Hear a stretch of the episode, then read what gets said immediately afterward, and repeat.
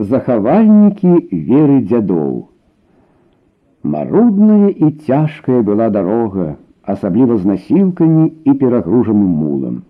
У дадатак зноў пачаліся балоты, толькі пасля захаду сонца выбраліся яны на сухое месца. Цяпер я ўжо добра ўразумеў, чаму гэтыя бедувісы захавалі сваю незалежнасць, сказаў піп, калі яны спыніліся на ноч. Гэта ўжо апошняе балота, суцешыў хаон. Далей пойдзе ўжо гарыстая мясцовасць. І сапраўды. Далей дарога падымалася ўсё вышэй і вышэй. Бадувіцкія пасёлкі здаваліся ўжо зусім блізкімі, але ішлі гадзіна за гадзінай, а яны ўсё здаваліся таксама блізкімі, як і раней. Трэба яшчэ ведаць, што ў сапраўднасці і дарогі ніякай не было. Прыходзілася ўвесь час круціцца між скал, каб знайсці праход, або караскацца па каменнях, а тут яшчэ насілкі і мул, усе выбіліся з сілы, хоць адпачывалі 10 разоў. Дрэнна адчуваў сябе і хаон, хоць і зусім з іншай прычыны. Ён лічыў сябе зусім здаровым, толькі што ісці не мог, і яму было вельмі непрыемна глядзець, з якімі усілкамі валакуць яго ў гору нібы мерцвяка. Мусіць, не болей як 15 кіламетраў трэба было ім прайсці, а заняло гэта ўвесь дзень ды палову наступнага дня. Нарэшце падышлі к пасёлку, але зблізку яго і пасёлкам нельга назваць. Гэта былі раскіданыя на значнай адлегласці адна ад адной хаткі. Яны займалі значны абшар па баках узвышаў і толькі здалёку здаваліся адным пасёлкам. Пабудаваны яны былі галоўным чынам з камення, а некаторыя нават проста выдзеўбаны ў гары. Вокнаў ніякіх не было, замест дзвярэй дзіркі, якія відаць ніколі і не зачыняліся. Усё поле гаспадара было вакол хаты. Там раслі кукуруза і рыс, які бедувісы разводзяць сухім спосабам, але ніякіх іншых адзнак сельскай гаспадаркі не было відаць, ні жывёлы, ні колаў, ні прыладаў, толькі плецяны свіран сведчыў, што ўсё ж такі ў ім нешта кладуць. Для кожнага дома быў сад, калі можна так назваць раскіданыя між скал без ніякага парадку пладовыя дрэвы. А можа, іх ніхто і не садзіў. Можа, яны самі так растуць, як і іншыя дрэвы, што пачыналіся далей за сялібамі. Паводле указанняў хаона падарожнікі накіраваліся да бліжэйшай крайняй хаты, што стаяла на вотшыбе. Насустрач выйшаў здзіўлены гаспадар. За яго спіны выглядала спалоханая жонка. Яны ніяк не маглі дапусціць думкі, што гэткі атрад ды яшчэ з оранг пуціх белы чалавек і мулам маглі накіроўвацца якраз да іх, але госці спыніліся ля іх хаты і хаон сказаў: « Добры дзень того, прымай гасцей.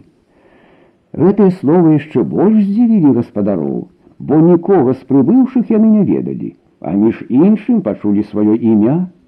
Хаона, які ляжаў высока на насілках, яны пазнаць не маглі.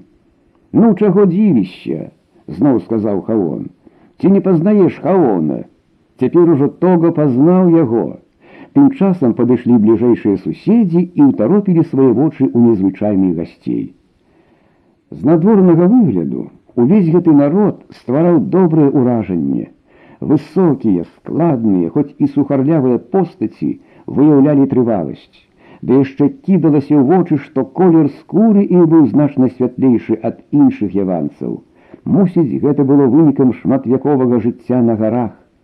Апранутыя яны былі ў звычайныя саронгі, толькі ў большасці саматканыя. Можна было яшчэ заўважыць, што рухі ў іх былі больш стрыманыя, не гэтак жвавыя, як у іх суседзяў.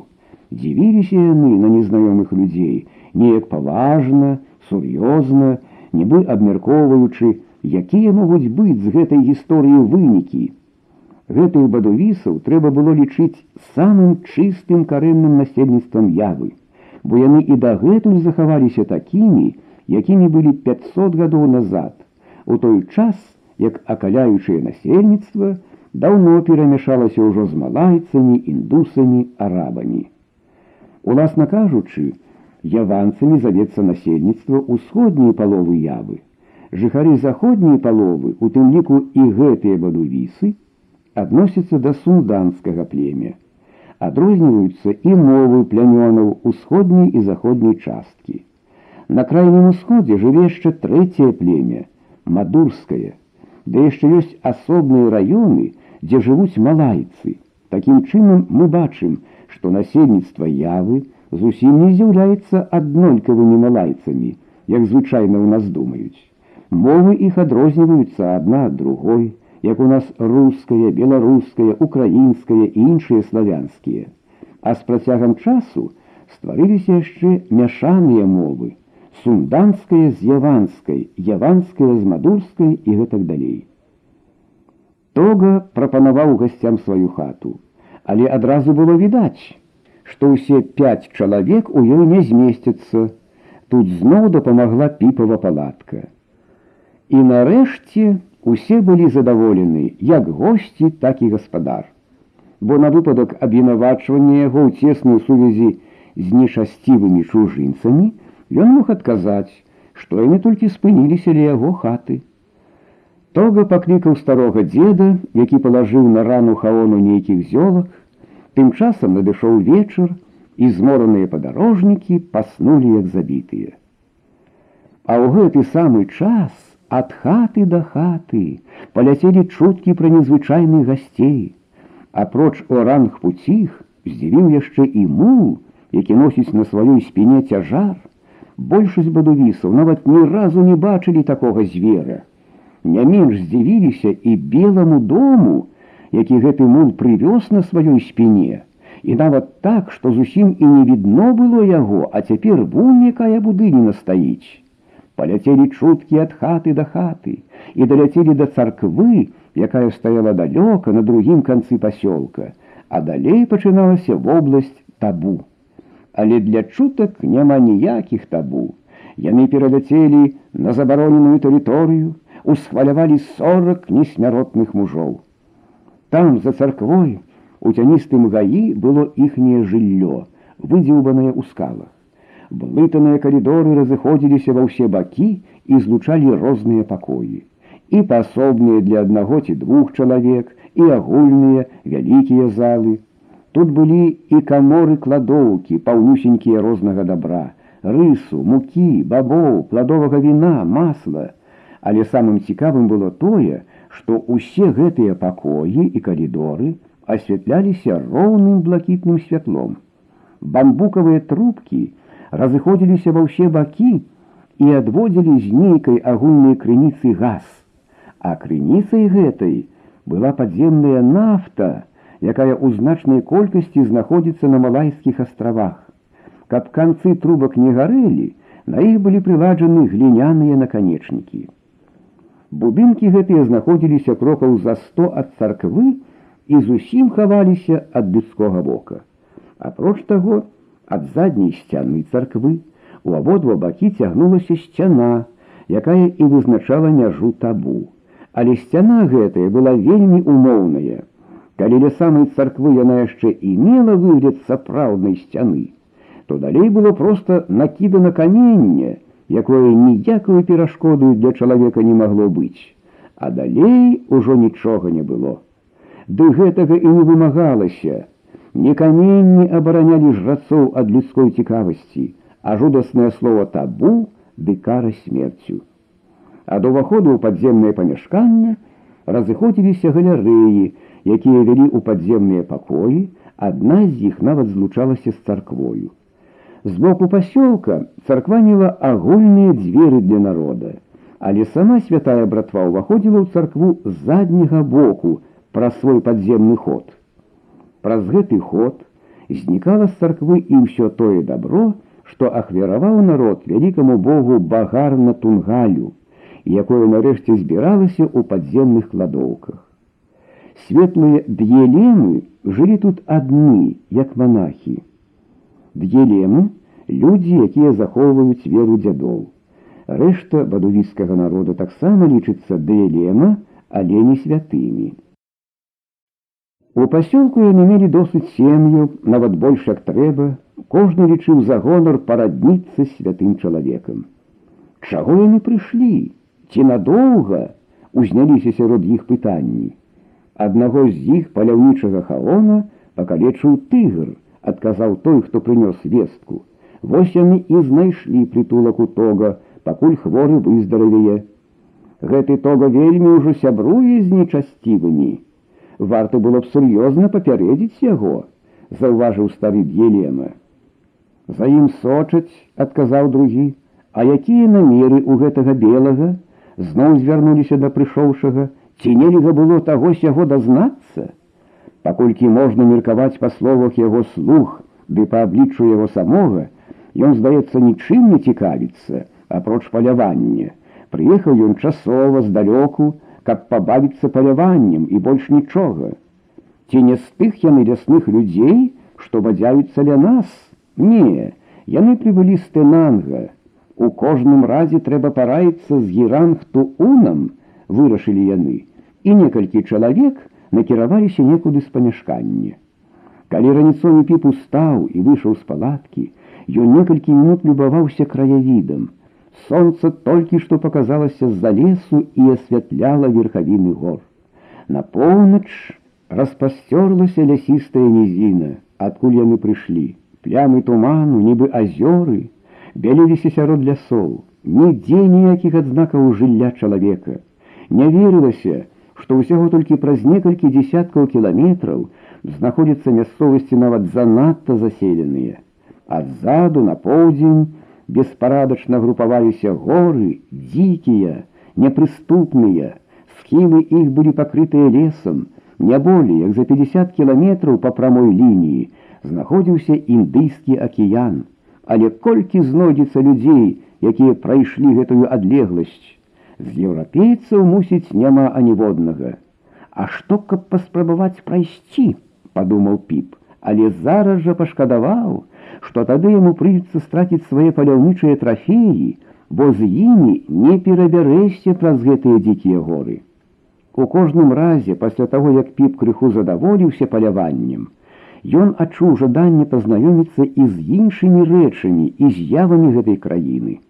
Вось стаіць цікавая старажытная царква. Яна пабудавана з вялізных каменняў, моцна, важка, ідзе ўгару прыступачкамі і аканчваецца невялікай круглай вежай. Па прыступках прылеплены маленькія будачкі, нібы гнёзды ластавак. Відаць, царква стаіць тут некалькі стагоддзяў. Захавальнікі веры дзядоў, мусіць захавалі шмат цікавага са старажытнай індуйскай рэлігіі. А крыху далей за царквой уздымаецца прыгожая гара, нібы зробленая чалавекам, круглая правільнай формы, зялёная і нібы адсечаная зверху. Выйшаў того, піп з дапамогай некалькіх слоў, а больш на мігі запытаўся, як лепей прайсці туды, але тога з жахам заматаў галавой і залапатаў, Ті дадапад, ті дадапад табу Мацьян, Нельга, нельга, Мацьян смерць. Цікава адзначыць, што па-малайску тыгр, як мы бачылі, носіць гэтую самую назву. Слова табу выявіла піпу у чым справа, але цікавасць ад гэтага толькі павялічылася. Пасля снедання піп з нонгам пайшлі паглядзець на пасёлак. Гэты пасёлак займаў прастору як добры горад, але ўсе сялібы былі раскіданы абы як у залежнасці ад таго, які гаспадар апрацоўваў кавалак зямлі. Няма чаго і казаць, як дзівіліся жыхары на незвычайнага госця. Недалёка ад царквы, дзе, здаецца, пачынаўся некрануты лес, раптам пачулася траскатня, быццам білі кіямі па дрэвах. Зірнуўшы туды, Піп убачыў натоўп народу з кошыкамі, торбачкамі, нізкамі бананаў. Частка людзей сапраўды барабаніла ўва што толькі можна. Падарожнікі падышлі бліжэй, У гэты момант з дрэў пазлазіла некалькі малпаў і ўмяшаліся ў натоўп. Далей болей малпы ўсё прыбывалі ды прыбывалі, вось ужо іх некалькі дзесяткаў, вось сотня, вось дзве. Гэта былі невялікія малпы, так званыя монвет з пароды макакаў. Яны перамяшаліся з людзьмі, вырывалі з іх рук бананы, совалі насы ў кошыкі, адным словам адчувалі сябе як свае. Што гэта такое? звярнуўся піп да нонга. Мусіць, нейкі дзень малпаў або свята, Я чуў, што ў некаторых месцах шануюць гэтых малпаў. Тым часам адна з малпаў падышла да піпа і, заўважыўшы бліскучы гузік, ухапілася за яго лапай. Ах ты паскудства! Разлаваўся піп і намерыўся быў, як след правучыць яе, але нонг схапіў яго за руку. Не чапайце, туан! Можа быць бяда, Людзі абразяцца, нам выгадней пасябравацца з малпамі. Піп зразумеў, супакоіўся, і яны абодва ўжо лагодна пачалі знаёміцца з малпамі, і гэта прынесла ім значную карысць. Людзі ўбачылі, што чужыя госці пасябраваліся з іхнімі малпамі, нібы свае, і сталі крыху прыхільней глядзець на чужынцаў. Але царквы быў другі натоўп. Там адчынілі сваю краму святыя д'елены і за малпаў кошт збіралі ахвяру для вялікага бога багара тунгаля. Жменька за жменькай напоўнілі ўжо мяхі, а тут яшчэ яйкі, кавалкі тканіны, скуры звяроў. Раптам піпу прыйшла да галавы нейкая думка. Ён шапнуў нонгу на вуха, і яны падышлі да жрацоў. Адзін з іх быў досыць малады чалавек, другі стары з сівой барадой, але абодва былі аднолькава сур'ёзныя і строгія. Белыя цюрбаны і доўгія белыя балахоны рэзка вызначылі іх сярод простых паўголых людзей. Піп выняў дзве залатыя манеты і ўрачыста паклаў іх перад д'елемамі. Анонх растлумачыў: Вялікі туан здаўна ўжо шануе адзіную праўдзівую старадаўнюю веру. Ён вельмі рады, што бачыць народ, які захаваў гэтую веру і ў знак пашаны просіць прыняць яго ахвяру. Жрацы здзівіліся.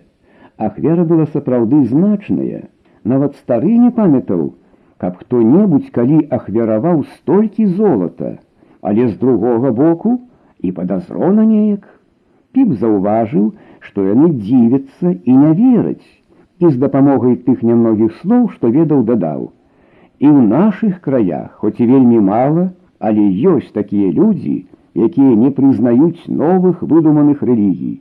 Яны чулі, што існуе старадаўняя, праўдзівая вера, але не сустракаюць яе. Вось чаму я радуюся, што сустрэў сапраўдных насіцеляў веры дзядоў. Піп хацеў сказаць яшчэ, што вельмі хоча азнаёміцца з гэтай верай, але пабаяўся, каб яны не здагадаліся, дзеля чаго робіцца такая ахвяра. Ён вырашыў адкласці гэта да другога выпадку, а цяпер паказаць, што ён робіць гэта выключна з пашаны, нават павярнуўся, каб ісці. Тады стары сказаў: « Ніколі мы не бачылі такіх людзей з чужынцаў, асабліва белых, але калі ты праўду гаворыш, хай твоя ахвяра дойдзе да вялікага багара тунгаля. Піп адышоў, але яму так рупіла азнаёміцца з гэтай адзінай праўдзівай верай, што ён нават шкадаваў, чаму не папрасіўся паглядзець царкву і рэлігійную цырымонію. Аднак жа ўсё тое, што ён зрабіў, аказалася вельмі ўдалым. Калі ён адышоў, жрацы зірнулі адзін на аднаго, і малодшы сказаў: « Гэты чужаземец даў ахвяру і пайшоў сабе, нічога не просячы. Дзеля чаго ён мог гэта зрабіць? Стары задумаўся: « Не ведаю, адказаў ён нарэшце, можа затым, каб пралезці куды не трэба. Дзеля гэтага існуе табу, а можа ён і сапраўды шануе нашу веру. Можа пусціць яго ў царкву на маленне, Уся роўна ён убачыць не больш, чымся кожны з нашых простых людзей, а можа нарэшце і сапраўдным прыхільнікам зробіцца. У кожным разе цікавы чалавек, прамою стары, я лічу, што на агульнае маленне дапусціць можна. Тут мы нічым не рызыкуем, трэба будзе з ім перагаварыць. А пад вечар да того прыйшоў чалавек і перадаў, што калі чужаземец захоча, ён можа сёння прысутнічаць на агульным маленні. Дазвол быў дадзены аднаму піпу. Яго спадарожнікі хоць былі і тубыльцамі, але не маглі спадзявацца на дазвол, бо былі магаметанамі, а да магаметан, бадавісы ставіліся з большай пагардаю, чымся да хрысціян, бо галандцы не вельмі ганяліся за тым, каб перавярнуць усіх тубыльцаў у хрысціянства, а магаметане ў свой час усіх заганялі ў сваю веру сілком. Калі зусім сцямнела, ад царквы пачуўся глухі гул барабана, і піп пад кіраўніцтвам тога пайшоў на свята. Ноч была вельмі цёмная. Адсюль выходзілі цёмныя фігуры і накіроўваліся ў адзін бок. Піп пачаў ужо хвалявацца. Паказалася вялізная будыніна, шырокія каменныя ступені вялі да бакавых дзвярэй, праз якія ледзь паблісквала святло. Тут стаяў адзін з д'еленаў і аглядаў уваходзячых. Відаць было, што нават не кожны стубыцца мог увайсці. Невядома толькі, ці была якая чарга, ці прапускаліся толькі тыя, хто даваў добрую ахвяру. Піп і тога былі прапушчаны без перашкоды. Калі ўвайшлі ў сярэдзіну, піп зразумеў, чаму не ўсіх дапушчалі. Унутранасць храма была значна меншай, як можна было чакаць па знадворнаму выгляду. Затое па баках было шмат розных цёмных куткоў, ды відаць, і ў самых сценах былі розныя ходы і пераходы. Некалькі калон падтрымлівалі столь. Уся пабудова была надзвычай масіўная і, мусіць, вытрымала не адно землетрасенне. Усё памяшканне асвятлялася толькі двума свяцільнікамі, таксама газавымі, які ўжылі д'елемаў. Ужо адно гэтае асвятленне для народа было цудам, бо яны не ведалі скуль і як яно робіцца. Між свяцільнікамі, бліжэй да пярэдняй сцяны, стаяў алтар з паглыбленнем, дзе раскладваўся агонь. Народ размясціўся на зямлі паўкругам вакол алтара. Змрок, таемнасць, урачыстасць, ціхі шэп людзей зрабілі ўплыў нават на піпа. А тут яшчэ лезуць у вочы выдзеўбаныя ў мурах фігуры нейкіх страшыдлаў, то чарапаха, то чалавек з тыгравай галавой ці наадварот тыгр з чалавечай галавой, фантастычныя птахі, змеі, Усе сцены былі пакрыты рознымі скульптурамі, толькі пярэдняя сцяна была чамусьці гладкая нібы экран. Раптам пі пачуў нейкі смурод, які ішоў з бліжэйшага цёмнага кута. Смурод быў вельмі выразны і нагадваў нібы гніль ці нешта яшчэ горшае. Доўга піп цярпеў і адварочваў свой нос, але нарэшце не вытрымаў і запытаўся тога, што там такое. Факір адказаў тога з вялікай пашанай. Можна падысці, можна, але нельга турбаваць. Піп пасунуўся ў цёмны кут, за ім пайшоў і тога, у сцяне піп заўважыў дзверы з дзіркай акенцам, як у турэмнай камеры, адтуль і ішоў смурод. Сашчапіўшы вусны, не дыхаючы, глянуў туды піп, але нічога не ўбачыў, апроч чорнай дзіркі. Аднак праз хвіліну вочы прывыклі, і ён разгледзеў каморку або шафу ў сцяне, зірнуў у бок і з жахам адхіснуўся. На яго глядзелі два вялікіх бліскучых вока. Больш нічога не паспеў ён разгледзець і адсунуўся назад. Пасаджаны, запытаўся піп. Тога зірнуў на яго са здзіўленнем. Не, сам, святы чалавек. Тым часам чалавек двадцать жацоў падышлі да алтара, узяліся за руки і пачалі хадзіць навокал, як у карагодзе. Пісклявы старэчы голас зацягнуў песню. Нястройнымі галасамі падхапілі яе ўсе жрацы. Народ, седзячы на зямлі, подцягваў. Потым падышоў старэйшы жрец, паклаў на алтар вуголле і якуюсь пахучую траву. Карагод кружыўся ўсё хутчэй і хутчэй, спеў узмацняўся і паскараўся таксама. Чуліся словы багара і тунгаль. Вось ужо паўскоквалі некаторыя людзі і далучыліся да карагода. Жрацы ўжо так лёталі, што нельга было разгледзець іх паасобку. За імі пусціўся ўвесь народ. Каму не хапіла месца ў шэрагу, той круціўся паасобку, вочы разгарэліся, пот ліўся струменнямі. Тога побач з піпам таксама не вытрымаў і пачаў прытопваць ды нешта выкрыкваць. Піп спалохаўся, ці звар'яцеліўся яны разам. Жрэц паклаў яшчэ больш вуголля, дадаў яшчэ больш травы і завыў такім голасам, нібы хто пачаў цягаць з яго кішкі. Прысутныя таксама паддалі духу і завярцеліся так, што у піпа уваччу пацямнела. Крыкі багара тунгаль, рабіліся ўсё мацнейшымі, настойлівымі, Піп уразумеў нават слова з'явіся. Трава загарэлася вялікім полымем, асвятліла ўсю царкву, але хутка згасла. Пагаслі і свяцільнікі. Адразу зрабілася цёмна, як у склепе. І вось пярэдняя сцяна стала паціху рассоўвацца. Шчыліна ўсё павялічвалася, паказаўся пакой, прыпадняты нібы сцэна, а пасярэдзіне вялізная статуя. Фігура сядзела на падставе, склаўшы ногі. Яна мела пяць рук і трэцяе вока ў ілбе. Нідзе не было агню, але водбліск нейкага святла ішоў аднекуль збоку. Перад статуяй стаяў другі алтар, але на ім нічога не было. Скокі спыніліся. Народ паваліўся на зямлю, настала цішыня. Толькі жрацы стаялі ў шэрагу, падняўшы ўгару рукі, і нешта мармыталі ціхім голасам. Праз некалькі хвілін зноў пачуўся шум. Народ пачаў ціснуцца наперад, чагосьці вымагаць. Жрацы стрымлівалі яго. Потым падняўся на сцэну галоўны жрэц, а за ім прапусцілі аднаго з людзей. Той падышоў да алтара і паклаў на яго руку. І вось паднялася адна з рук статуі з ножом у кулаку і апусцілася на руку чалавека, а потым крыху паднялася, каб аслабаніць яе пырснула кроў. Людзі закрычалі гіранхту-ун! Гіранхту-ун! З народа выйшаў яшчэ адзін чалавек.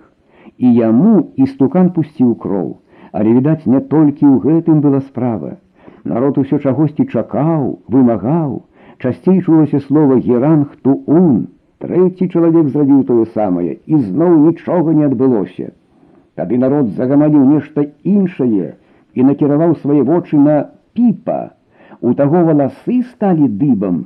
Няўжо ж мяне яны думаюць прынесці ў ахвяру, пранеслася ў яго галаве. Народ тым часам усё чагосьці дамагаўся і нават паказваў на піпа рукамі, а потым на чале са жрацом усе накіраваліся ў яго бок. У піпа аж ногі падкасіліся, уцякаць, Але куды цяперака ўцячэш, Ды і ногі адмовіліся служыць. Значыцца, ўсё гэта зроблена было наўмысля, каб загубіць мяне, здагадаўся небарака і адчуў на лобе холодны пот. Натоўп набліжаўся да яго. Тут і жрэц, якому піп даў грошы, але мусіць яго сумленне не дазваляе глядзець піпу ў вочы, бо ён прыкідваецца, што глядзець не на піпа, а кудысьці праз яго і ідзе міма. За ім наваліўся на піпа на тоўп, закруціў яго як у веры і таксама прайшоў міма. Усе спыніліся ля каморкі факіра. Не адразу піпсцяміў, у чым справа, але затое зразумеўшы быў гатоў заскакаць таксама, як і яны. Жрэц адчыніў дзверы каморкі, сказаў нейкую прамову і з вялікай пашанай вывеў адтуль чалавека. Але ці можна было назваць гэтую істоту чалавекам? Гэта быў шкілет, абцягнуты скурай. Здавалася, нават нібы косці яго ляскалі ад руху. Даўгія чорныя валасы і барада закрывалі ўвесь твар, і адтуль глядзелі толькі вялізныя белыя вочы. Адзення на ім ніякага не было. Замест таго на шыі была прыстасавана калода, якая калісьці ў Кітаі і Манголіі надзявалася буйным злачынцам. Трэба было толькі дзіву давацца, як ён наогул мог жыць, але вочы сведчылі аб надзвычайнай сіле волі гэтага фанатыка, і гэтая воля падтрымлівала яго жыццё. Піп досыць чуў пра факіраў, нават бачыў іх у цырку, але гэты натуральны факір зрабіў на яго куды мацнейшае ўражанне. Піп чакаў, што пры такіх умовах адбудзецца нешта такое, чаго нідзе не ўбачыш. І сапраўды, адбылося нешта такое. Урачыста павялі факіра да алтара, дзе ён, як і папярэднія простыя людзі, працягнуў сваю руку. Відаць, трэба было пачаставаць Бога святою крывёю, але вось бяда, крыві у факіра бадай зусім не было. Ледзь-ледзь выціснулі кроплю, і цуд адбыўся. Раптам засвяціліся ў Бога ўсе тры вока, і нават пачалі рухацца, разам з тым з алтара нібы з коміна паваліў густы чорны дым, Народ радасна пачаў пець, крычаць геранг ту ун. І вось здарылася нешта зусім незразумелае, нават і для піпа. У дыме пачаў вызначацца нейкі вобраз. Мільгануў раз, мільгануў другі і нарэшце спыніўся ў паветры сярод дыму нібудь здань. Ён хістаўся разам з дымам, то расплываўся, то выразніў і паступова прымаў чалавечае аблічча мільганула доўгае адзенне, потым строгі голены твар, нават можна было пазнаць, што гэта мужчына гадоў пад сорак. На галаве яго быў тюрбан, з яго высоўваўся султан пушысты пук пер'я, а пад ім яскравіўся відаць брыльянт. Праўда, усе гэтыя адзнакі можна было злавіць з перапынкамі, часткамі, бо вобраз увесь час хістаўся, але ўвогуле факт заставаўся фактам. Што за дзіва такое? ламаў галаву піп, мусіць, усё гэта факір нарабіў. Але зірнуўшы на яго, піп павінен быў пераканацца, што факір тут ні пры чым. Той сядзеў сабе збоку, нібы сонны і нават ні на каго не глядзеў. Самае цікавае для піпа было ў слове геранг ту ун, якое так часта выклікалася прысутнымі. Піп прыпомніў, што ён недзе чуў гэтае слово, здаецца, хаон казаў, што гэты геранг туун ёсць кіраўнік бадувісаў, але няўжо ж гэта здань у дыме і з'яўляецца кіраўніком. Нездарма гэтыя захавальнікі вядуць сваё паходжанне ад старадаўняй індускай рэлігіі. Нездарма гэтыя захавальнікі вядуць сваё паходжанне ад старадаўняй індускай рэлігіі, разважаў сам сабою піп. Яны захавалі тут такую чартаўшчыну, якую мусіць нідзе больш не знойдзеш. Усю гэтую сцэну, рухі ідала, іншую механіку уразумець яшчэ можна, але гэтага правадыра у дыме. Раптам з'явішча знікла. Вочы ідала згаслі, засталося толькі тое самае паўсвятло. Цырымонія скончылася, народ пачаў разыходзіцца. Здаецца, чужаземец добра адчуў усю веліч нашага цырыманіялу, сказаў адзін жрэц другому. Здаецца, я за ім сачыў, адказаў той. Піп сапраўды вярнуўся дадому з вялікім уражаннем. Уся гэтая незвычайная цырымонія, гэтая векавая царква страшным ідалам, адрэзаны ад усяго свету народ, усё гэта выклікала ўспаміны аб розных старадаўніх казках. Крыху смешная была іхня хітрая механіка з рухамі ідала і са сцэнай, але затое здань геранг туна не выходзіла з галавы піпа, нават у сне ён бачыў яе. Назаўтра піп захацеў зрабіць экскурсію ў ваколіцы. Ён узяў з сабой нонга, і яны са стрэльбамі за плячыма накіраваліся на ўсход. Вельмі вабіў да сябе поўдзень, дзе была вобласць табу, але і того і хаон шчыра папераджалі піпа, каб ён не ішоў туды. Піп абяцаў, што не пойдзе. Праз некалькі часу яны ўжо апынуліся ў дзікай мясцовасці, нібы па суседству не было аніякіх слядоў чалавека. Гушчар, скалы, крыніцы, вадаспады, усё гэта надавала мясцовасці суровую прыгажосць. Нягледзячы на тое, што зямля складалася з камня, Ногі падарожнікаў мякка ступалі па ім шару, як па давану. Гэты розныя пароды мох пакрываў не толькі скалы, але і ўсе вялікія дрэвы наогул. На галіне аднаго такога дрэва піп убачыў вялізнае гняздо або кош велічынёю метры са два. Што за звер там жыве, зацікавіўся піп, птах які ці жывёліна, але нонг не ведаў так і не ўдалося піпу задаволіць сваю цікавасць. А на дрэве было не гняздо і не кош, а расліна, паразітная папараць. Затое піпу ўдалося сунуць нос у прыгожы рознакаляровы збан з накрыўкай. Усярэдзіне была вада, а ў ёй куча мёртвых мух, жукоў і ўсялякіх казюрак. Берагі збана такія гладкія, што якая б муха ці жук не селі на яго, яны зараз жа слізгаюцца ўніз і знаходзяць сабе смерць. Цяпер ужо пі праслумачыў нонгу, што гэты збан кветка драпежнай расліны, якая любіць жэрці мяса. Раптам нехта зверху шпурнуў у іх шышкай ці пладом. Паднялі галовы, крывіцца морды малпаў нібы дражніцца. Я вам дам дражніцца, засмяяўся піп і кінуў у іх камяком зямлі. Адтуль адказалі. Пачалася гульня, у якой і нонг прыняў удзел, але хутка малпы заверашчалі, задралі свае хвасты і зніклі ў галлі. Піп заўважыў, што наогул звярынае насельніцтва тут побач з людзьмі было зусім не меншым, як у далёкіх пушчах. Відаць, бадувісы не чапалі сваіх суседзяў. Піп вельмі жадаў папоўніць свае трафеі прыгожай скуры пантэры, якой яму не хапала. Ён сказаў аб гэтым нонгу, і яны абодва пачалі уважліва прыглядацца да ўсіх цёмных куткоў, дзе можна было спадзявацца знайсці гэтага звера. Але хаон назваў бы іхнія пошукі дзіцячай гульнёй, бо такім чынам паляўнічыя пантэр не шукаюць. А тым часам яны адыходзілі ўсё далей і далей, кіруючыся на поўдзень, каб адмінуць гару табу. Звычайная, нават невысокая, яна ў другі час зусім не звярнула б на сябе ўвагі піпа, каб не гэтае табу, гэты таемны заказ. Адсечаная верхавіна яе, відаць, мела паглыбленне, нібы кратер вулкана.